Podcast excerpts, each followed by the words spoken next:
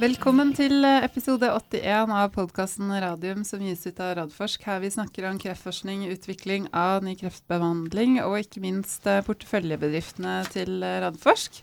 Episoden i dag heter bare PCI Biotech og er en ønsket spesialsending, kan man vel si. Velkommen i studio, Jonas Einarsson. Takk skal du ha, Elisabeth. Busy, ja. busy dag i dag. vi skal ha to podkaster, men det trenger vi ikke å bry lytterne våre med. At vi er litt sånn litt høye skuldre pga. det. Eh, men ekstra hyggelig å ønske velkommen Per Valdai, administrerende direktør i PCI Biotech. Og ikke minst Ronny Skuggedal, finansdirektør i PCI Biotech. Takk for det. Jeg har sagt det før og sier det igjen. altså Når det skjer noe hos dere, så vil folk ha dere i studio. Så da prøver vi å få det til, og så prøver dere å få det til. Ja. Dere har vel om mulig en enda mer busy i dag, for dere har i tillegg hatt kvartalspresentasjon eh, i dag. Det stemmer. Yep. Eh, vi skal komme litt tilbake til dere. Vi må ha en liten gjennomgang av skjedd siden sist, for det har jo skjedd ting med de andre selskapene også. Um, og vi Hæ? Du ser nei, Jonas sånn veldig overrasket på meg. Hvor er kjøreplanen din? Det var bare et forsøk på å sette deg ut. Det gikk helt fint. Ja, det klarte du ikke. Ikke i dag heller. Um, vi har gitt penger til uh, forskning innenfor PCI og PDT, men det ja. kan vi komme tilbake til helt på slutten av sendinga. Det kan være også. Jeg tenkte vi skulle begynne med Targovax, som meldte var det i går kveld eller i dag morges at de er ferdig med rekrutteringen på studie fase 1B2 av Onkos i bruk på mesoteliom. Ja, mm. det er bra. Ja. Det er uh, sånn uh, egentlig litt uh, før forventa, og sier nå at de forventer det første bleedouten er rundt nyttår. Mm. alltid lurt å si rundt nyttår, ja, Per, istedenfor innen, inn, inn jul. Så slipper du alle med, Ronny alle mailene i slutten av desember. Uh, og det er bra, for de har sagt første halvår uh, eh, 2020 tidligere. Så det er ikke ofte at uh, selskapene våre faktisk kan melde om det. Og det betyr jo at det har vært en, en veldig bra rekruttering. Mm. jeg har ikke finregna på det, men det var en annen som hadde det, som jeg så i stad, som mente at det var 0,28 i, i, rekruttering, og det er, det er veldig bra. Det bør jo kunne henspeile på at det her er det stor interesse mm. for dette. Og, og i Mesteliom så er det jo bare kjemo som er per i dag, og nå da kan kombinere med noe som kan kanskje hjelpe i tillegg til det, så er det stor interesse for det. Så det ser ut som de har truffet en nisje mm. inn i det. Så det, det, er positivt, men det er jo ikke noe data, så det får vi Nei, vente på. Men det må vi ja. vente på, men bare det at man har fått inn de pasientene man trenger, er jo veldig viktig. Ja. Kan det ta vinter og åtter og år noen ganger. Um, og så skjønte jeg det sånn fra Magnus Gjedeberg, medisinsjefen som er sitert, at de er jo innafor onkolytisk virus noen som ligger langst, lengst framme innafor klinisk. Ja, altså, ja, og hvis dette her uh, går, uh, går veien med, med, data på dette, så, så er vel uh, dette kanskje Kanskje det blir Targovac sitt uh, Fimakem, for å si det sånn. At det blir spydspissen deres som de, som de, driver videre raskest mulig mot, uh, mot et marked. Så det er en spennende utvikling. Eh, de skal legge frem kvartalsrapporten sin i morgen, Targovax også. Forventer vi oss noe der spesielt? Eh, nei. nei. Jeg gjør i hvert fall ikke det. Det er, tror jeg blir en sånn non-event fremlegging, hvis ikke de har noe noe, noe, noe i ermet som da i så fall kommer som en børsmelding i, i morgen tidlig. Men, men eh, det vi venter på der, er treårsdataene på TG01. Eh, ja, for de skal komme rundt mai.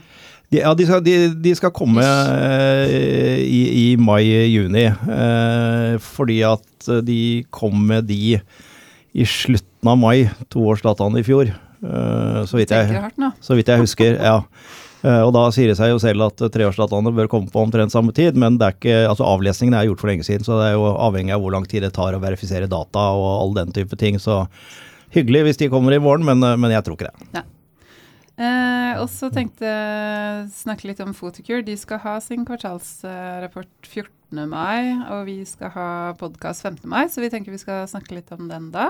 Ja. Eh, de har også kommet eh, med en melding på nok en vitenskapelig studie, denne gangen i World Journal of Urology, eh, som da bekrefter at blærekreftpasienter behandlet med Hexvix gjør det bedre enn andre pasienter. Ja, altså Det kommer stadig nye oppdateringer, og det er jo fordi det gjøres uh, veldig mange sånn real world-studier. altså De følger opp pasienter som faktisk er under behandling, og det er forskjellige klinikker og, og, og, og vitenskapsfolk som, som, følger det opp, og kommer stadig nye resultater som jo mer og mer bekrefter at uh, dette er noe som både har sin plass og vil, i mine øyne, få sin plass. Mm. Uh, mot en, en, standard of care for, for blærekreftpasienter. Eh, hvor lang tid det tar før å få hele korken ut av ketchupflaska, det får vi vente og se. Det er vel ingen som forventer noen i hvert fall så er guidingen ikke at det skal være sorte tall uh, i, i, dette kvartalet, men uh, spennende å se på utplassering av skop og ikke minst uh, bruksfrekvensen. Så, men det skal komme tilbake til. Men for å sitere deg fra i går, så sa du at Dan Schneider har jo virkelig fått sving på dette selskapet. Og han har jo ikke vært der så lenge heller. Nei, altså det er jo ingen tvil om at dette nå er et kommersielt selskap som driver salg og markedsføring. Uh, og det har ikke Fotokur uh, vært tidligere. De har vært kanongode på R&D og, og utvikle disse produktene. Uh, men etter at de da valgte det, å ta det grepet at de skulle gå all in på egen kjøl i USA, som var en tøff beslutning, da må det være Og skal du da erobre det amerikanske markedet, så må du må du forstå the American way of thinking, og det gjør Dan Snyder. Så jeg har all stor tiltro til den jobben han skal gjøre. Mm. Det blir spennende, spennende, å se neste uke og videre. Eh, sist eh, Nordic Nanovector de har ansatt eh, Fredrik Håvin som Head of Legal and Compliance. Eh, og til, eh, og det, det, er ikke noe mer å si egentlig om akkurat den delen der, men der har vi fått inn eh, spørsmål fra lyttere om at de gjerne vil ha noen fra Nordic i studio, men der er vel vår, vårt svar at det, så lenge ikke de sender ut noe nytt, børsmelding om, om, noe nytt med resultater, så gjør vi ikke det. Nei, det er, for, det er ikke, eh, for, nå regner vi med at ting går som eh, det skal. Ja, vi, vi regner med at ting er, er on, on, track. Uh, så, så, jeg er helt enig. Vi, vi, men så fort det kommer noe som vi kan kommentere og analysere, så skal vi sørge for at de kommer hit og snakker med oss. Ja. Men da, gutter det, er jo, det er jo dere vi skal snakke med, med om. Det er det alle venter på. Um, ehm, 2. mai så la dere fram studiene fra Fimavac uh, for Fimavac, blir det. 'Successful Clinical Translation of the Fimavac Technology'. Eh, kan dere ikke fortelle litt kort om teknologien og hva dere har lagt fram? Og uh, hvorfor vi har fått 1000 spørsmål om å få dere i studio? og dere gikk opp, var det 19% på børsen eller noe sånt nå? Ja. Altså, det, her har jo, det har vært en, en, en, lang vei til å få alle disse resultatene ut. Det er, det, det er uh, sikkert, det. Uh, og det er nok folk som har venta på det en stund. Og vi trodde jo egentlig at vi skulle klare å komme med det tidligere, men vi har hatt noen issues med analysene, og det er ganske kompliserte og omfattende analyser. Uh, og det er gjort av eksperter innenfor dette området. Så det har tatt litt tid, mm. men nå er de her. Og, og hvis man venter på noe godt, så kan man vente en stund også. Og har du lest notatene mine igjen, da? Jeg Nei, jeg har ikke det. Margen har det har det, ja, ja. Den som venter på noe godt, venter ikke forgjeves. Nei, Nei, det er riktig. Uh, og det vi gjør med den teknologien, det er jo for å, for å si det helt fort, altså så appliserer vi da den PCI-teknologien sammen med vaksiner. Vi injiserer en vaksine sammen med vårt Fimaporfin-produkt. Uh, og så belyser vi vaksineområdet etterpå, der vi har vaksinert. Uh, og da får vi disse vaksinene til å bli mer uttrykt på en reseptortype som gir mer cellulær immunresponser, spesifikt CD8-responser av disse T-cellene, som man ønsker for, spesifikt for terapeutiske vaksiner. Men også, det er også en del profylaktiske sykdommer eller profylaktiske vaksiner som kan ha mer nytte av T-cellerespons også. Så det er en mulig bruk innenfor profylaktiske vaksiner også. Mm. Men eh, Per, kan ikke vi ta litt eh, nærmere om det? For jeg fikk nå sist på kvartalspresentasjonen noen, noen, nye spørsmål rundt dette å forstå hva produktet deres er. Mm -hmm. Altså at det Forklare at dette er en adjuvans. Mm. Det, er det, det, er det, dere lager. Så var det en som spurte meg ja, vi, hva om det bruker denne sammen med en vaksine som ikke virker. Eh, så sier jeg at eh, jeg tviler på at eh, det er adjuvansen sin skyld. Det kan tvert imot være at den kan bedre det gir muligheten for at vaksinen skal fungere, men, men, at produktet deres er en adjuvans og ikke en vaksine. Ja, altså produktet vår, det vi kaller det for, er en vaksinasjonsteknologi. Mm. Så jeg ser på det som noe mer enn bare en adjuvans, fordi at vi redirigerer på en litt annen måte, og vi kombinerer ja. med adjuvanser. Eh, men det er jo en, det er ikke en vaksine i seg selv. Vi kan putte mange forskjellige vaksiner inn i vår vaksineteknologi, og derigjennom få dem til å gi en bedre cellulær immunrespons. Mm. Men det er ikke en vaksine i seg selv. Nei. Det er en, en plattformteknologi for, ja, for, for, vaksiner, mm. rett og slett. Mm. Og Det finnes mange forskjellige sånne uh, teknologiplattformer. Noen bruker forskjellige virale systemer, uh, vektorer for dette her. Noen bruker rett og slett liksom gammeldagse oljeemulsjoner med, med aluminiuminnhold og en del sånne ting. Og Dette er en, en annen type plattformteknologi uh, som er spesifikk for å få mer cellulære T-celleresponser. Mm.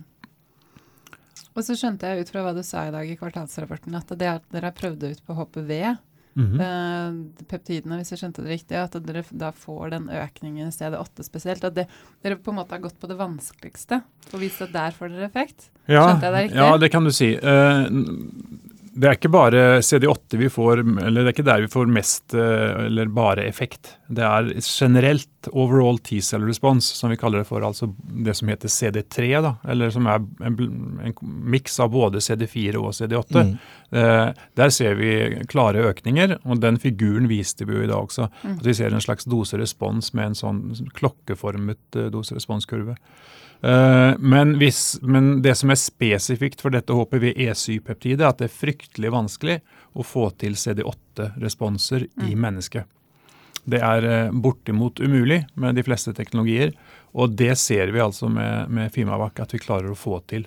Mm. Uh, det er ikke noen enorme det, nå, nå, er det målt på en kvalitativ måte og ikke en kvantitativ måte, men det er ikke noen sånn enorme responser men det er tydelige responser. Mm. Uh, og Sammenligner vi da med kontrollen, som har Hiltonol, som er en adjuvantsystem som i dag mm. brukes av mange som driver med klinisk utvikling av terapeutiske vaksiner, så har vi en klar forbedring. Mm.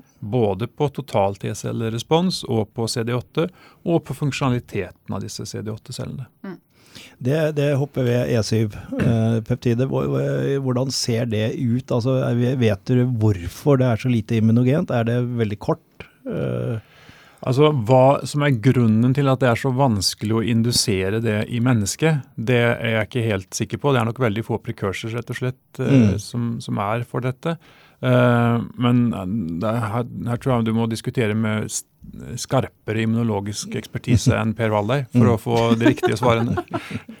Ja, altså det, det, du, du, peker jo egentlig på to store problemer vi har hatt med eh, vaksinasjonsteknologi, spesielt innenfor terapeutiske kreftvaksiner tidligere. og Det ene du nevnte var dette med at man har brukt sånne fettemulsjoner eh, i forbindelse med adjuvans. og Det viste seg jo at eh, alle de CD-cellene du laget, de, de gikk dit mm. og la seg som et uh, depot. Så mm. det, det, er jo en av grunnene til at vi feila mye, mye tidligere. Ja.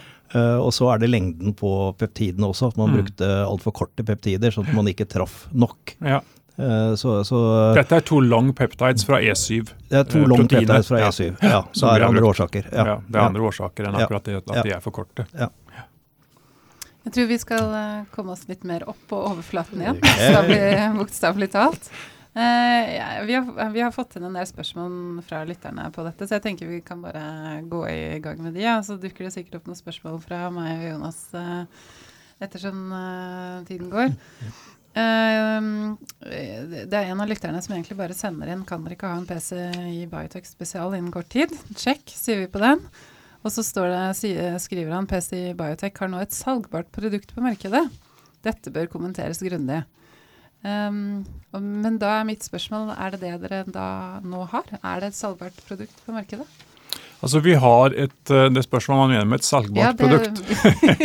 det vet jeg ikke. Jeg har ikke spurt lytteren om han egentlig vet det spørsmålet. Men uh, vi har en hvordan du. Ja, Hvis du definerer et salgbart produkt som uh, en, en, teknologi som kan lisensieres ut til andre som har behov for, en, uh, for denne teknologien, så vil jeg si at ja, ja. det har vi. Men hva er typisk kunder, da? Typisk kunder da er, vil være selskaper som driver innenfor vaksinasjon, som har vaksiner, mm. eh, spesielt protein- og peptidvaksiner, og som ønsket, ønsker en forsterket effekt av disse. Mm. Eh, som har problemer med å oppnå med de systemene de bruker i dag, gode nok effekter. Mm. Og ikke da minst på CD8-siden. Mm. Mm. Og det er det sikkert mange av våre lyttere som lurer på om dere har samtaler med noen sånne kunder. Ja, det er det sikkert mange som lurer på. og det kan de fortsette å lure på. det kan de fortsette å lure ja. på. Ja. Ja, men det er bra. Ja, men jeg må liksom stille disse spørsmålene på vegne av altså, dere. Så slipper dere å få enda en e-post, ikke sant? Vi vet, at vi, får, vi vet at vi, får, at vi har interesse der ute for vår teknologi. Det vet vi. Ja, Så folk har fått det med seg at dere Ja da. Men ikke, altså vi, vi, skal gjøre et stort fremstøt nå. når Vi har, altså vi fikk disse dataene for ikke så veldig lenge siden. Mm. Og det er ikke sånn at vi har hatt dem. Uh, vi fikk dem nå, altså. Ja. Uh, og gikk ut med dem umiddelbart etter at vi hadde klart å gått igjennom og se hva disse faktisk betyr. Mm. Uh, så gikk vi ut med en melding, selvfølgelig, for, ja. for å ikke sitte på innsideinformasjon. Mm. og det tar jo litt tid for oss å virkelig gå inn i dybden på dette her og lage de presentasjonsmaterialet vi ønsker. Få publisert det, presentert det ved konferanser og lage litt blest om det. Mm. Så vi skal jo ut nå og prøve å lage litt blest om disse eh, resultatene og få mer, skape mer interesse der ute. rundt det. Men vi har også en ganske god forståelse for hvem er de potensielle kundene til dette salgbare produktet. Har. Så vi har jo ikke ja. sittet og bare venta på resultatene uten å forberede oss. Det har vi ikke gjort. Nei. Skjønte jeg det riktig på presentasjonen i dag at dere så for dere å presentere på den større vitenskapelige konferanse til høsten? Det er vel det som ligger nærmest, vil jeg tro. Ja. At vi sikter oss inn på noe som er litt større innenfor immun, helst da kanskje immunonkologi, mm. og, og, prøver å få det presentert på det. Mm. Så bra. Uh, det er enda et spørsmål. Uh, er det planer om å invitere Per, per Walla i studio? Da sier vi check på den nå. Så bra når man kan krysse av ting. Kunne vært interessant å høre litt om strategien framover på Fimavak. Ja, Første delen av strategien er jo at nå har vi resultatene. Nå vet vi hva denne teknologien kan gjøre, i hvert fall i Friske frivillige. Med disse resultatene i hånd så skal vi nå se på hva slags uh, muligheter vi har. Eh, og diskutere det. Eh, og ha en god og grundig gjennomgang av skal vi ta inn vaksiner, utvikle noe selv? Skal vi ta det videre til klinisk proof of concept selv? Skal vi utelukkende prøve å søke partnerskap? Skal vi kombinere dette her? Hvilke type partnere skal vi fokusere mest på? Uh, sånn at det er, stort, ja, det er et stort, strategisk utfallsrom her, ja. uh, som vi nå skal ta og, og gå grundig igjennom med disse resultatene når vi har de. Mm. Hvordan foregår det? Dere gjør sikkert en god del av arbeidet internt uh, i selskapet, men er det sånn at dere da bruker uh, Scientific Advisory Board deres uh, tett? Ja. ja. vi bruker Scientific Advisory Board, og vi bruker andre eksterne. Og ja. vi kjøper også en, en, del tjenester for å undersøke spesifikke ting som vi ønsker å, å finne ut av. Mm. Det blir spennende å se hva dere, hva dere lander på. Um, og nå er det faktisk det Jonas som har fått spørsmål her, men det er jo, er jo en PC i Biotech, jo, vi må bare svare der også, Ronny og Per. Skulle gjerne fått en kommentar fra Jonas angående det kommersielle potensialet for Fimavac. Eh, antar det var snakk om flere non-exclusive partner agreements, men hvilke type avtaler er det mest nærliggende å forvente oss? Og det er enten da eh, mindre avtaler, men kanskje en upfront på f.eks. én Hva blir det for noe? Million US dollar. US dollar et visst antall prosent ved inngåtte milepæler. Eller færre, men større avtaler, f.eks. 10 millioner US dollar med innslag av eksklusive rettigheter. Jeg vet ikke, har du Jeg, kan, jeg, jeg, jeg, kan godt, jeg kan godt komme med noen ville spekulasjoner, for det er jo bare det det eventuelt blir. Nei, det er helt umulig å, å spekulere i. Det er, eh, disse avtalene kommer i absolutt uh, alle, alle, former og farger, sier alle former og farger. De, kom, de, kommer helt fra at det er sånn ja, kanskje dette er interessant, så vi kan vel tenke oss å prøve det litt ut. Uh, dere, får ikke, dere får 2 kroner og 50 øre i upfront og muligens noe royalty om ti år. Det er liksom det verste worst case. Eh, til at det er noen som uh, sier at uh, dette, dette, vil vi ha, og for å sikre oss rettigheter innenfor et eller annet felt. For selv om de da velger å være non-eksklusive, så vil, vil, de alltid, disse selskapene, forsøke å få noe eksklusivitet. Og jo mer eksklusivitet de vil ha, jo mer kan Ronny skru, opp, skru, skru på bryteren og, og hente inn noe mer penger tidlig. Så Så det er helt avhengig av hvordan disse dataene blir tolka. Skal vi komme litt tilbake til etterpå, for det er svært viktig å, å skjønne disse dataene som de har lagt fram i dag. Mm. Og den helt andre ytterkanten, det er at et selskap sier at denne teknologien skal vi bare ha. Og så sier Ronny at det kommer ikke på tale, her er det kun eh, non-eksklusive avtaler. Og så legger de en stor nok eh, pengehaug på bordet til han sier at ok, da, det, da, da, da, gjør vi det. Så, så, så igjen, det, altså det, det, er hele skalaen, og de kommer ja. til å jobbe med alle typer muligheter. Og vi får nok bare smøre oss med tålmodighet til, til børsmeldingen kommer. Per nikker, så da er det, en er det vel sånn. Til det? Altså, nikking gjør seg veldig dårlig i podkast. det er derfor jeg nikker. ja, det er derfor du nikker. da blir du, du blir avslørt av oss. Nei, altså det er, det er, helt riktig som Jonas sier. Det kommer i alle former og farger, og det kommer fra fra å være små non-eksklusive dealer til, å, til, at det kan være noen som ønsker fullstendig eksklusivitet fordi at de har et strategisk behov og de har masse muskler og, og vil kjøpe noe for en stor sum penger. Mm. Sånn at uh, vi er jo åpne for alle typer samtaler innenfor ja. dette området. Uh, men det er også en del av den strategiske diskusjonen vi skal ha nå internt og med styret i mm. hvordan vi best ser for oss å utnytte muligheten. Mm. Den samme lytteren spør videre kan vi forvente avtaler relativt raskt, siden det allerede har, vist, allerede har, vært vist interesse fra potensielle partnere. Du, altså jeg har nesten lyst til å inngå veddemål med deg på disse tingene nå. Ja. Jeg er temmelig sikker på at det ikke kommer noe raskt. Altså, dette, ting tar tid i dette mm. her. Og selv om det er stor interesse, da må det være sånn at det nesten blir litt sånn budkrig at det er så stor interesse at uh, noen bare kaster noe på bordet. Det har jeg aldri opplevd i denne bransjen før. Så, Nei, så her, skal sånn det, her, skal det, inngås forhandlinger, ja. og det skal kanskje lages noen termsheet, og så skal det gjøres dype due dill uh, både teknologisk og selskapsveis. Så, så, så, jeg forventer ikke noe raskt her, nei. Jeg ser på dere, men dere sier ingenting, så da går vi bare videre. Vi pleier ikke å si så mye på akkurat Nei. den biten der. Nei. Det skjønner jeg. Uh, så er det siste fra lytteren her. Sikter PCI Biotech seg inn på potensielt alle vaksiner med Fimavac? Den tror jeg kanskje du kan svare, Per. Jeg vet ikke, Alle står til med som hermetegn. Så. Ja, nei, alle er ikke mulig. Fordi nei. at eh, alle har rett og slett ikke behov for Fimavac. Uh, og det er jo spesifikke vaksiner. Det er primært da peptid- og proteinvaksiner som Fimavac kan gjøre noe med. Mm. Uh, og så er det uh, vaksiner der du har behov for en bedre T-cellerespons, der du ikke får opp den T-celleresponsen du ønsker mm. uh, uten å bruke firmavaktteknologien. De, de, fleste forebyggende vaksinene bygger jo på at det, det, er den humorale delen, er det ikke det det heter? Mm. at det, det, skal dannes antistoffer. Mm. Og da er det altså ikke T-celler som er med i bildet, det er B-celler. Uh, og det er, det er influensavaksinen, det er altså de, de vaksinene, barne, barnevaksinene, det, det vi er kjent med. Uh, og der er det ikke å lage CD8-celler uh, eh, i utgangspunktet, for det kan jo ta mange år før du denne, blir utsatt for denne sykdommen. Og da er det de, de, de antistoffene som skal ligge der og, og, være klar. Så kan du si at Lager du noen eh, I enkelte tilfeller så er det sånn at det også lager CD4-celler som, eh, som, kan være Huske dette og, og, gjenkjenne. Mm. Så er det enkelte typer av profylaktiske vaksiner også. Det kan ikke jeg nok om. Men det er enkelte av de som ikke er humorale, men som er, eh, skal ha cellulær mm. respons. Og der kan det være aktuelt. Ja.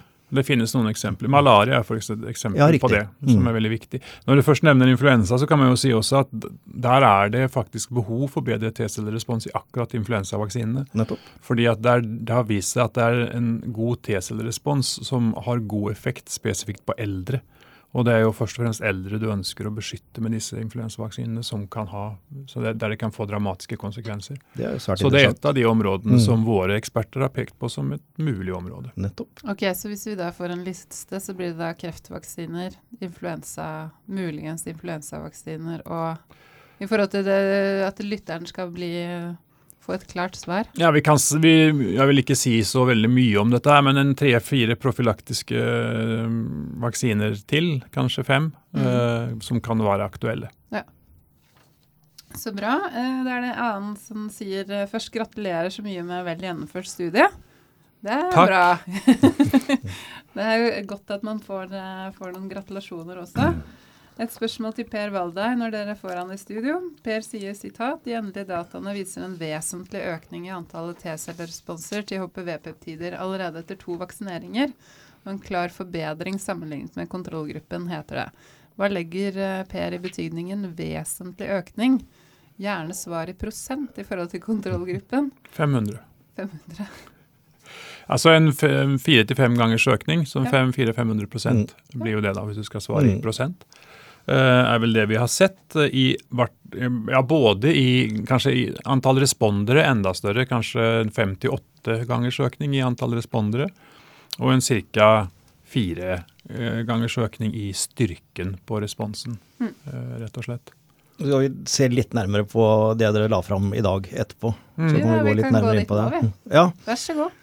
Uh, det, er, uh, det, er, sikkert ikke alle lytterne som har, uh, har hele, pres presentasjonen foran seg, men vi, vi, fikk altså mye mer konkrete data i dag enn jeg hadde tort å håpe på. Så det syns jeg var, var, svært hyggelig. fordi jeg hadde også en diskusjon etter kvartalsrapporten med enkeltaksjonærer nå som liksom mente at det var, var jo skuffende at ikke resultatene nå kom før i annet halvår, med, og tenker da på den vitenskapelige presentasjonen av van de Burg.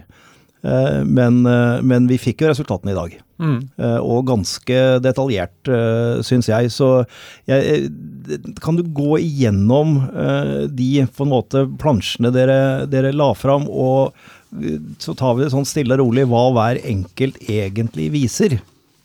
Det kan vi gjøre.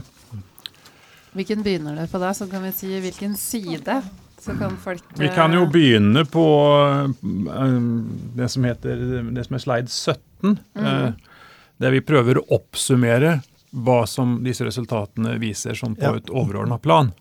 Uh, vi ser altså en økning i antall som responderer. Da ser du på de friske frivillige. Hvis du gir det til ti stykker, så ser du hvor mange får opp uh, T-celler mot det vi har vaksinert med. Og antallet i vår Fimavac-gruppe versus antallet i kontrollen, da har vi flere i Fimavac. Og der er det litt avhengig av hvilke tidspunkter du ser på, en sånn fem til åtte ganger så mange. Mm. Eh, og så er det at vi har økte eh, overall, og her snakker vi om overall T-cell. Altså, det ser vi både på, Vi skiller ikke på CD8 og CD4, vi bare ser på T-celler. Eh, og så ser vi også at de T-celleresponsene er klart økt. og en størsteparten av det, de T-celleresponsene er faktisk CD4. Ja. Sånn at vi har en god effekt også på CD4. Og da, da, er det jo viktig å understreke viktigheten av at du har både CD4 mm. og CD8-celler. Ja. Eh, for hvis du bare produserer CD8-celler, eh, så er de som regel relativt pinglete. Mm. Uh, og det vil si at de, de, er ikke robuste, og det kommer tilbake til hva, hva, hva det betyr. Mm. Og da dør effekten ut ganske mm. kjapt. Mm. Mens CD4-cellene de har en helt annen funksjon. De kan drepe Eh, celler, men det er ikke deres hovedfunksjon. De er jo der for å hjelpe eh, CD8-cellene til å gjøre jobben sin, mm. og gjøre en masse andre ting som du også kommer tilbake til i, i de senere mm. grafene. Så det, mm. det, er viktig å få med seg at den, den miksen mellom CD4 og CD8 er den ideelle miksen. Absolutt. absolutt. Du trenger begge to. Ja. Eh, det er ikke noe tvil om det. Både fortropper og baktropper og supportmekanismer ute og går her. Og så er det at vi snakker om mer robuste CD8 T-celleresponser. Og når vi snakker da om robuste T-celleresponser på CD8, eh, så er det at her har vi brukt et peptid der det er fryktelig vanskelig å få CD8-responser. Så det er ikke noen sånne enorme responser vi ser. Men vi ser Men helt klar Vi ser liksom klare liksom ja, Her ser vi tydelig at vi får også CD8-responser. Uh, eh, mens i kontrollen så er dette veldig, veldig borderline. Det mm. er, uh, ligger helt på grensen til hva du vil kalle for er en respons, og det er litt tilfeldig når det opptrer i, i, disse Ja, for det er den grafen hvor, som var litt vanskelig å skjønne. Ja. Uh, og det, det, det, er den hvor dere har målt uh, tatt blodprøver ved forskjellige tidspunkter. Riktig. Eh, og måler immunresponsen i det. Og det man ønsker å se, er jo en robust immunrespons som går igjen i flest mulig av de målingene dere gjør. Ja. Uh, og, og det, derfor jeg liksom stussa litt på den, uh, den eh, grafen som da viser eh, på kontrollgruppa at den grønne, grønne søylen til venstre, altså på, på kontrollgruppen, den var, den var, jo ganske høy. Den er ganske høy. Men det betyr at de har en eller annen gang hatt én immunrespons. Riktig. Og ikke ved gjentatte ganger, og altså en litt mer tilfeldig og ikke robust. Ja. ja. Det er det det betyr, egentlig. Mm. Mens da de eh, med Fimavac, de har man sett i samme respondent flere Eh, tidspunkter med tydelige CD8. Altså det, også, det, er også tydeligere CD8-responser med mm. Fimavac, og, og, du ser det flere ganger. Mm. Er, så, sånn at da, responsen er vedvarende, på en måte, mens hos de andre så ser du det bare ja, én gang? Ja, det kan du si. Det ja. kan du si. Du mm. ser det ved flere tidspunkter. Ja. Uh, rett og slett. Mm. Uh, og det har vi da um, Det bruker vi da ordet robust om at ja. det er en mer robust Men, men det er jo helt riktig, fordi det betyr at det at det er CD8-celler til stede ved flere anledninger utover i, ja. i, i forløpet. Ja. Uh, og man, det er jo ikke så vanskelig å tenke seg til da og si at det vil man vel tro er ofte de samme, eh, samme T-cellene. og det vil si mm. at de også har en lengre levetid og en lengre funksjonstid. Mm. Uh, og er robust sånn sett. Mm. Det er et veldig viktig signal. Mm. Så det er liksom den overordna biten. Eh, og så også det med increased functionality, som vi sier, altså økt funksjonalitet. At det er rett og slett bedre T-celler. Eh, bedre rustet, eh, de enkelte-T-cellene som er der, fordi at de har et større våpenarsenal, kan man kalle det for det, mm. hvis man skal prøve å, å populærgjøre dette her. Det er mye krigsmetaforer. det er krigere, skjønner du. Disse er krigere, de skal ut og slåss mot en fiende. Så det gjelder at du har gode våpen for hånd. Uh, hvis vi skal gå gjennom disse, og dette er alle, alle, viktige egenskaper, alle disse tingene som vi nå har gått gjennom, er viktige egenskaper, så vi er glad at vi har fått frem alt dette. Uh, og, og, det går vel an til å si det at derfor kan vi også si at uh, teknologien er mer enn en adjuvans? Ja, ja det, det, kan man si. Det kan man si. Jo, altså jeg, jeg, er, jeg, er, helt enig, så jeg skal, jeg skal, ta det tilbake. Fordi at uh, en, en, en, adjuvans vanligvis den skal bare tiltrekke seg celler som antigenpresenterende celler mm. for å sette dette i gang. Men adjuvansen i seg selv der har ingenting med hvordan vaksinen da virker etter at den har gjort jobben sin, bare med å aktivere immunsystemet og tiltrekke seg det og, og sette det i gang. Men, mens deres teknologi faktisk gjør noe i tillegg. Mm. Eh, så, så jeg, jeg, skal ta den tilbake og si at jeg skal bruke vaksinasjonsteknologi og ikke adjuvans fremover. Det er bra. Eh, hvis vi da går over på slide nummer 18, så er det eh, rett og slett der vi ser på hvor mange av eh, disse friske frivillige i prosent av de som har fått eh, vaksinen, er det som har respondert på vaksinen overall på T-celler. Mm. Og Det er gjort da med det som heter ELISPOT, som er en kvantitativ metode som man bruker for å, å måle T-celler. Uh, og Da ser du kontrollen der, og så ser du at med økende Fimavac-doser så får du en økende respons. Og så ser man at den, når man kommer opp i veldig høy, så begynner den å avta igjen. Ja, det så det er en såkalt bell-shaped response curve. Mm. mm. Og det er ganske naturlig med vår teknologi. Det er det vi forventer, det er det vi har sett i dyr. Mm. Uh, fordi at når vi kommer opp i veldig høye doser, så vil vi forvente at vi begynner å skade disse dendritiske cellene med mm. teknologien. Mm. Og Derfor så kan man ikke gå for høyt. Uh, for det, det, Da får du rett og slett en toksisk effekt av teknologien mm. som gjør at du tar bort noe av effekten. Og der er dere på nesten 70% på den høyeste ja. Det stemmer. det stemmer. 70% som responderer. Og det er jo på høyde med en vanlig god vaksine. Mm.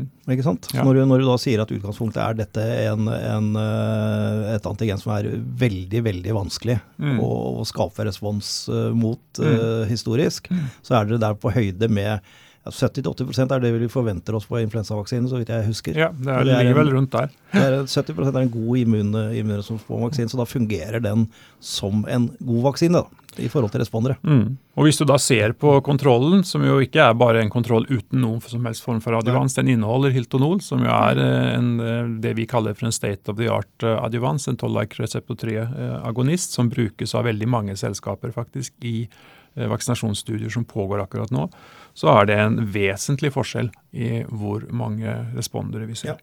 9, 9 Står det ikke det? Nesten 10? Vet ikke. Ja, altså Forbedringen er nok Ja. mer enn 9 Ja, ja. Forbedringen er vel ca. 500-800 Men i forhold til eh, kontrollarmen Ja, sånn, ja. Jeg, Fra 10 til 70. Hilton Ja, 10 til 70. Ja, Mm. ikke sant. Ja. Ja. Det er Det helt jeg riktig. å si. Ja, ja, det er helt riktig. Det er bra, det. Det er bra. Absolutt. Så kan vi gå til den figuren da som eh, Jonas har litt eh, vanskeligheter med. Var litt treig for det. Eh, og her har vi da tatt eh, den, den dosen som dere så som var høyest på overall T-cell, og så er det den spesifikt vi ser på i de to neste. Bare for å illustrere dette her. Mm. Som dere skjønner så er det en uhorvelig masse data vi har. eh, Både fra Elispot og fra, fra Flow-analyser. Så det er mye mer vi også kan gjøre som vi ikke har analysert ut fra Altså Vi sitter nå med rådatamateriale som kan kjøres igjennom analysesystemer eh, for å ta ut enda mer informasjon fra disse flow-målingene, selvsagt. Eh, men det som vi har gjort her, da, det er rett og slett å se på Det er jo sånn at vi vaksinerer tre ganger, og så tar vi blodprøver etter hver vaksinasjon. Eller rett og slett vi tar det rett før vaks hver vaksinasjon. Eh, og så, for da ser vi på responsen fra forrige vaksinasjon hele tiden. Eh, så vi har en, eh, en, eh, en god eh, eh, samling med, med, med blodprøver fra hver pasient. Og så ser vi da på de forskjellige tidspunktene hvor ofte får vi opp CD8-responser til HPV-E7. Og så har vi satt, sett på kontrollen. Der ser vi at eh, ja, oi, halvparten av disse har faktisk CD8. Men hvor ofte har de det egentlig? Jo, de har det bare ved ett eneste tidspunkt. Og det er nokså borderline. Det er så vidt at du vil kalle det for en respons. Eh, hvis du da prøver å printe opp ja, hvor mange hadde da to eller flere tidspunkter med respons, så er vi nede i null på kontrollen. Mm. Og, og så sammenligner vi det med hvordan ser det ut hvis du da ser på den Fimavac-gruppen. Ja, Da ser du at det er flere som har eh, både to og tre tidspunkter. Det er tre, tre tidspunkter vi her snakker om, da, Mm. eh, så der, de har, der de er positive for, for CD8. Så her har vi en rekke flere responser, rett og slett, når du tar og ser på alle blodprøvene, som er positive for CD8. Mm. Eh, og Den er ikke helt intuitiv, den figuren der. så jeg, Det var flere som eh, hadde problemer med, og, og mange som hadde problemer med å forstå den. og Jeg var litt usikker på om jeg skulle ta den med, fordi at, vi, fordi at jeg skjønner at den er litt vanskelig å forstå. Og trenger en god eh, voiceover egentlig for å bli forklart. Da er det bare å lytte til Radium Podcast, så Ja. får man forklaring. Da får man alltid gode forklaringer. Bortsett fra at du må høre på den og hørt helt hit for å, for å få med Ja, ja, den reklamejinglen der. hopp, hoppa av før dette, så kan de ha så godt. Og så har vi da den, eh, den, eh, den siste eh, sliden av disse som vi har tenkt å gå gjennom her nå, nummer 20 eh, fra kvartalspresentasjonen.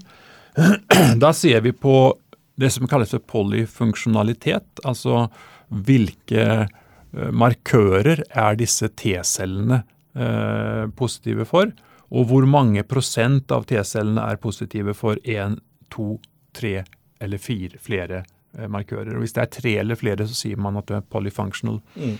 Og Det vi har sett på her, er interferon gamma, TNF alfa, og så er det interleukin 2, og så er det CD154. Og Det er da fire forskjellige markører som, som eh, vel som nevnt av deg også på, på kvartalsprestasjonen i dag, det som da ikke kom ut, tror jeg, fordi du hadde ikke noen mikrofon når du sa det. Jeg hørte han. Jeg Du gjorde det? stream, yes. oh, ja, ja. ja vel, han har en sterk Vi sterk gjør det stemme. alltid sånn, skjønner du. Vi har én, en, som sitter live, og er på stream. Eh, Så er, det, så er det de fire vi har målt på i akkurat den sammenhengen her. Og da ser vi at med Fimavac så har vi mye større prosenter, mye mer polyfunksjonelle CD8-celler enn det man har i kontrollgruppen. Og det vil jo si noe at de er bedre rustet, de har et bedre våpenarsenale til å gå ut og, og bekjempe eh, kreft eller andre syke celler. Ja, altså det, det, det, for meg er dette her svært viktig. Eh, fordi du kan godt produsere eh, CD8-celler som eh, kan eh, løpe rundt og angripe kreftceller. Eh, men hvis de ikke har disse forskjellige måtene altså det, er, det er jo så komplisert det som foregår når en T-celle fester seg til en kreftcelle. Uh, at bare at den fester seg er ikke nok. Det skal, det skal ofte flere typer reaksjoner til uh, for at på en måte apparatet skal komme i gang. Og det er det dette viser. Mm. At dette ikke bare er, er krigere som stormer, uh, stormer, over slagmarken og inn i en maskingeværild, men at de faktisk er utrusta med, med, våpen i tillegg til å gjøre jobben sin. Så det, for meg er dette, dette en, en, av de viktigste faktorene. Mm. Så bra. Takk for uh, gjennomgangen der. Kan vi bevege oss litt videre i kvalitetsrapporten? Det kan vi. Da? Ja, flott. Uh, for dere la, la, jo da fram uh, Q1-rapporten i dag. Jeg vet ikke, Ronny, du har vært så stille så lenge. Kan ikke vi bare ta kjapt finansene?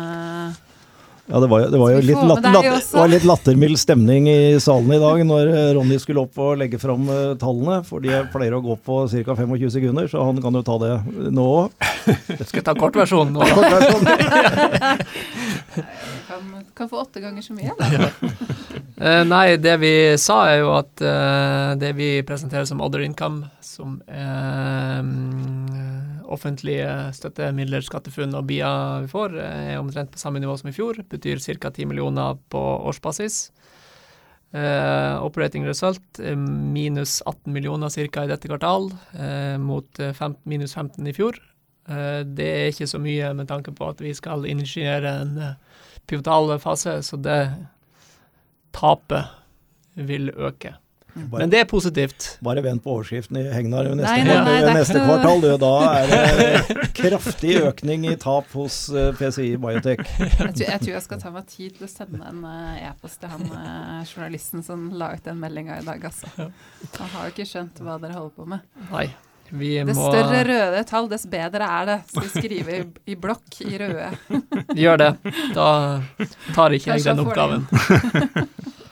Og så har vi uh, det vi kalte for en uh, sunn cashbeholdning. Mm. Mm. At vi har penger til å gjennomføre uh, pivotalstudien fram til interim. Mm. mm. Avlesning, som er ca. tre år frem i tid. Ja. ja. Og det var jo det dere hentet penger på også. Så ja. alt er i henhold til det dere har sagt tidligere. Ja. ja det er bra. Men uh, hvis vi da fortsetter på kvartalsrapporteringa, hva syns dere selv uh, altså I forhold til hva dere la fram, hva er høydepunktene? Når vi har vært innom Fimavak, selvfølgelig et høydepunkt. Hva ja, Det var et av høydepunktene. Det andre høydepunktet her er jo at vi har nå åpnet de første sitene mm. i pivotalstudien. Det å starte opp en, en stor pivotalstudie er et gedigent arbeid, mm. rett og slett. Spesielt for en liten organisasjon. Uh, og, og, at vi nå har uh, fått uh, alle godkjenninger i seks av de landene vi skal inn i. Mm. og at vi har fått de to, de to, første sitene åpnet, det var en, en hovedsak. Mm.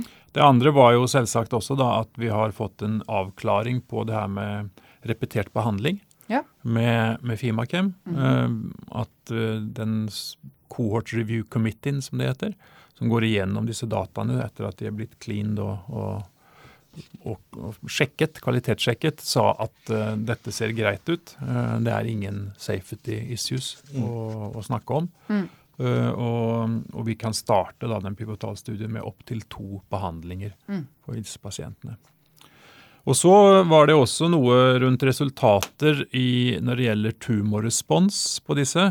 Uh, som nok uh, var litt skuffende for en, uh, for en, del som så dem. at Extension-studien så så vi en respons som var mer på linje med det som er normalt i disse pasientene med den standardbehandlingen. Kanskje mm. litt bedre enn det som er normalt, men ikke sånn kraftig bedre som vi har sett før.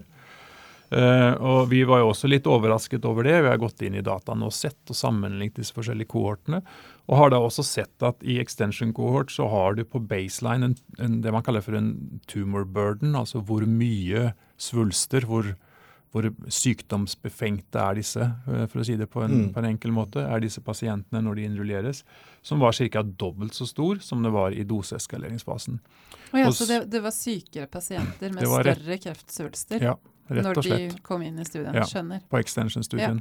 Ja. Uh, så det, det, sier noe om viktigheten av å være litt forsiktig i tolkningen av resultater på veldig små grupper. fordi at det kan være store forskjeller mm. uh, i disse gruppene. Og mellom de andre kohortene så er det ikke noen store forskjeller, men i denne så er det plutselig en dobling mm. i, i, størrelsen på mm. eller tumorburden, som vi sier da, ved, ved baseline. Eh, og Det er jo sånne ting som man, eh, man trenger og Det er derfor myndighetene krever også. For man trenger rett og slett litt større randomiserte studier for å få en jevn fordeling mm. mellom de forskjellige armene og kunne si noe statistisk om at det faktisk er en differanse mellom gruppe A og gruppe B, eller eksperimentell og kontroll. Mm. Mm. Så man, man, Det er derfor vi snakker om 'encouraging early science' og sånne ting, og ikke slår fast at her er det forskjeller. Eh, fordi at da må man ha større mm. grupper før man kan slå det fast. Ja. Men, eh, men, det er, ikke, det er overhodet ikke på noen som helst måte negativt, og det har en, eh, en god forklaring, sånn ja. som vi ser det. Ja. At, at, denne gruppen faktisk ikke hadde like god respons. Mm. Men vi, hadde, vi så ikke lokal tumorprogresjon i noen. Det var ingen som ble progressive disease pga. at svulstene som var de target, disse behandlede svulstene, at de hadde vokst. Det var eh, Når man ser på dem det Vi har en sånn på en slide som er nummer eh, ja, En gammel mann med svake øyne, ser ikke helt. Men Da hjelper jeg til å si nummer tolv. Takk for det. Uh, nummer tolv. Uh, så, så, ser vi jo at det er jo faktisk ingen av disse her som uh, har fått progresjon pga. lokal svulst som har vokst. Mm. Og Det som er viktigheten for, med vår teknologi, er jo at vi booster effekten akkurat der hvor den trengs mest, mm. i gallegangen. Ja. Mm. Jeg syns det er greit forklart og en, en, grei påminnelse om å ikke overtolke uh, disse første små.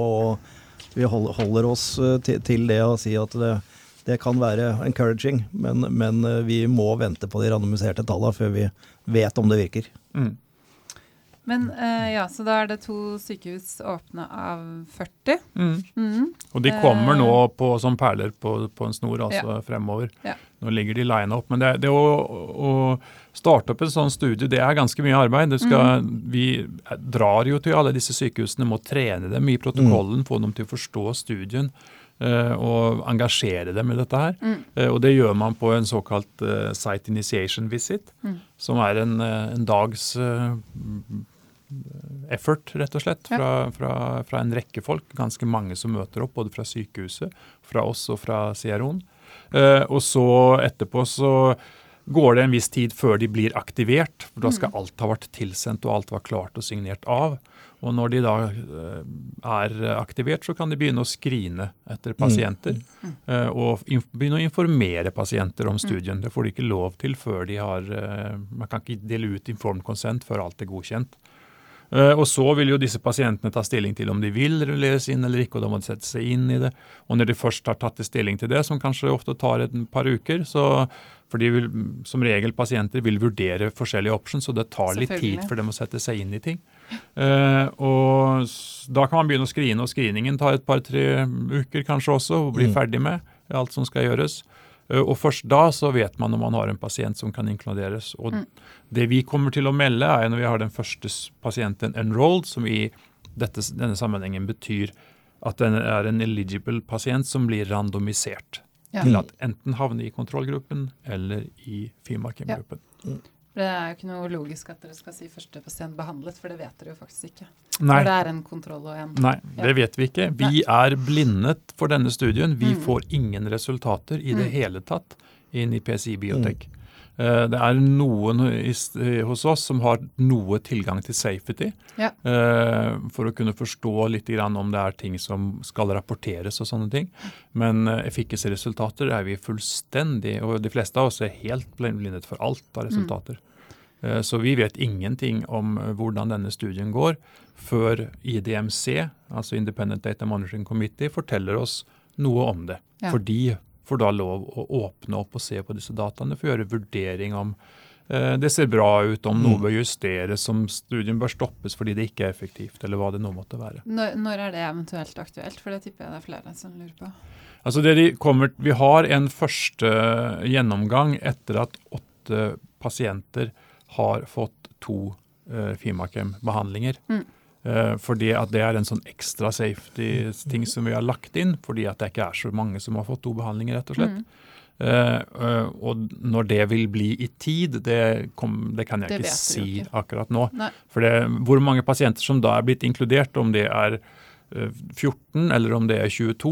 Det er litt avhengig av randomiseringen. Mm. Og den er, noe, altså den er ikke helt tilfeldig, men den er jo uh, tilfeldig for hver pasient. Men ja. det er jo ikke sånn at det alltid kan bli bare først uh, eh, 93 kontroller, og så kommer det 93 eksperimentelle armer etterpå, selvsagt. Sånn mm. er den jo ikke styrt. Mm. Uh, men akkurat når det blir, det vet vi ikke. Nei. Nei, fordi det, det, som jeg bare legger merke til, er at det er veldig mye spekulasjoner i forhold til når ting blir veldig stille. Så det, det jeg tenker at lytterne kanskje lurer på, er sånn Interimen skal være om, om, om tre år. Altså hva, hva, vil dere gå ut med i denne perioden? Uh, og jeg la spesielt merke til at du, du sa til de som fulgte med på webkast og satt uh, og, og, hørte på i dag, at de, de må ikke kontakte sykehusene. Var, jeg var helt sjokkert over at man faktisk den, den, kan du gjerne det. gjenta her, Per. Jeg var rimelig sjokkert, jeg òg. Ja. Det, det, det, det, kan jo, den, som du sier, da, det kan jo potensielt være veldig negativt. for den studien. det er negativt. Mm -hmm. og våre investigatorer blir jo irritert på sånt. Sånn at, og, og, det går utover oss og vår relasjon til dem. fordi at når de blir irritert på våre aksjonærer, så blir de irritert på oss også. Yep. Uh, og da blir de litt negative til studien i det hele tatt. Mm. Uh, og, og, det er aldri bra. Vi trenger motiverte og engasjerte investigatorer. Mm. Og så er det jo sånn at disse kanalene inn til sykehusene som opprettes i forbindelse med studier, det er for pasienter. Mm. De skal ikke misbrukes av Nei. aksjonærer. Og vi i, i, i, selskapet vi gjør det vi kan for å svare på flest mulig av de spørsmålene som kommer inn. og Jeg tror vi med hånden på hjertet kan si at vi svarer på 99,5% av dem. Mm. De anonyme besvares ikke? Nei, anonyme bes, eh, mm. og de, de Nei, fleste er ikke anonyme. Er greie, men, eh, ja. Ja, men, uh, men uh, alle andre svarer vi. Mm. Uh, så kom gjerne med spørsmål, men kom med dem til oss. Mm. Ikke bry våre investigatorer med dem. Mm. Så i forhold til herfra og nå da tre år fram i tid, hva vil, det, hva vil dere gi ut av informasjon og når om, om denne da, da, kan vi henvise til en helt eminent slide som har nummer 14, er det det? Ja. Uh, og en liten blokk der det står 'Release Trial Progress Reporting'. Og der, der, vi, der, står det at vi kommer til å, å, annonsere første pasient inkludert. Vi kommer mm. også til å annonsere første pasient inkludert i USA, siden det er et annet mm. kontinent. Mm. Som vi regner da blir med i, i, i annet halvår dette året. Uh, og så er det det IDMC eventuelt kommer av anbefalinger. Mm. Uh, men de anbefalingene er jo rett og slett bare kan være bare fortsett studien, det er ingenting å si. Vi har gått gjennom dataene. Uh, bare fortsett å kjøre på. Mm. Det kan, og det kan være andre ting også, der de anbefaler oss å gjøre justeringer på forskjellige ting. Mm. Av forskjellige grunner. Dette er jo eksperter innenfor området, og eksperter mm. på denne pasientgruppen og sykdommen, som sitter og ser på dette, pluss en statistiker også. Mm. Uh, og så er det jo senere, når resultatet resultater blir presentert osv., men så lenge den studien pågår og uh, ikke er nådd sin interimavlesning, så vil det ikke bli noe presentert på det. Det gjør det ikke. Og Så kommer vi på kvartalspresentasjonene og forteller om hvor mange sites er det som er åpent, og hvor mange uh, land er det vi har åpent for, uh, for inkludering av, av pasienter. Uh, og er vi i henhold til planen eller ikke. Så bra. Jeg og, tenker det er veldig viktig å vite dette. Ja, og ferdiginkludert. Ferdiginkludert, selvsagt. Ja. Um, og når vi har kommet frem til at nå er så mange events gjort, at interimanalysen starter og en del ja. sånne ting. Ja. Det, blir, men det blir sånne type eventdrevne ting, da. Ja. Men vi sitter jo ikke med resultatet. Vi kan ikke fortelle at nå er det så og så mange pasienter som har fått respons, eller som har uh, ikke lever lenger, eller sånne mm. ting. Er, den type informasjon har ikke vi, rett og slett. Nei, og det er jo en kjempeviktig ting med det å kjøre kliniske studier, at dere som selskap, fordi dere har jo en interesse i det. Dere, dere skal jo ikke vite dette. Vi skal ikke vite Nei. det, for da vil myndighetene kunne gå tilbake og si at uh, her har dere hatt tilgang til informasjon, dere, dere, har gjort noen amendment til studien, mm. dette er ikke tilforlatelig, og derfor må dere gjøre studien på ny. Mm. Og det vil vi jo helst unngå. Ja. Så bra. Er det noe vi har holdt på å si glemt å spørre om? Jeg føler vi har pepra dere med spørsmål i snart en time nå. Er det, er det, noe vi har glemt? Ja, hva sier du, Ronny? Er det noe er det, er det noe du har lyst til å tilføre? tilføre? Nei, altså, Vi har ikke snakka noe om Fimanak, da, men der er jo det en kolla, mer sånn eh, samarbeidsprogram for oss, der ikke vi gjør veldig mye selv. Eh, vi gjør noe, selvsagt. Mm. Eh, for ellers hadde det ikke vært samarbeid. Eh, men eh, hovedparten av dette her skjer jo kun i samarbeid. Vi har ingen egenutvikling mm. innenfor dette området. Og vi har seks pågående mm, samarbeid innenfor, mm. innenfor Fimanak. Og vi har dette fremdeles, dette Top Ten Pharma-selskapet som vi har et samarbeid med, som jo utvides med seks måneder av gangen. Og som jo derfor gir en del nyhetsfløde på, på, mm. på det som gjelder dette programmet. Men Ellers så er det ikke veldig mye vi rapporterer ut herfra, fordi at de dataene som kommer ut, de eier ikke vi. Nei. De er, eies i samarbeid med noen andre.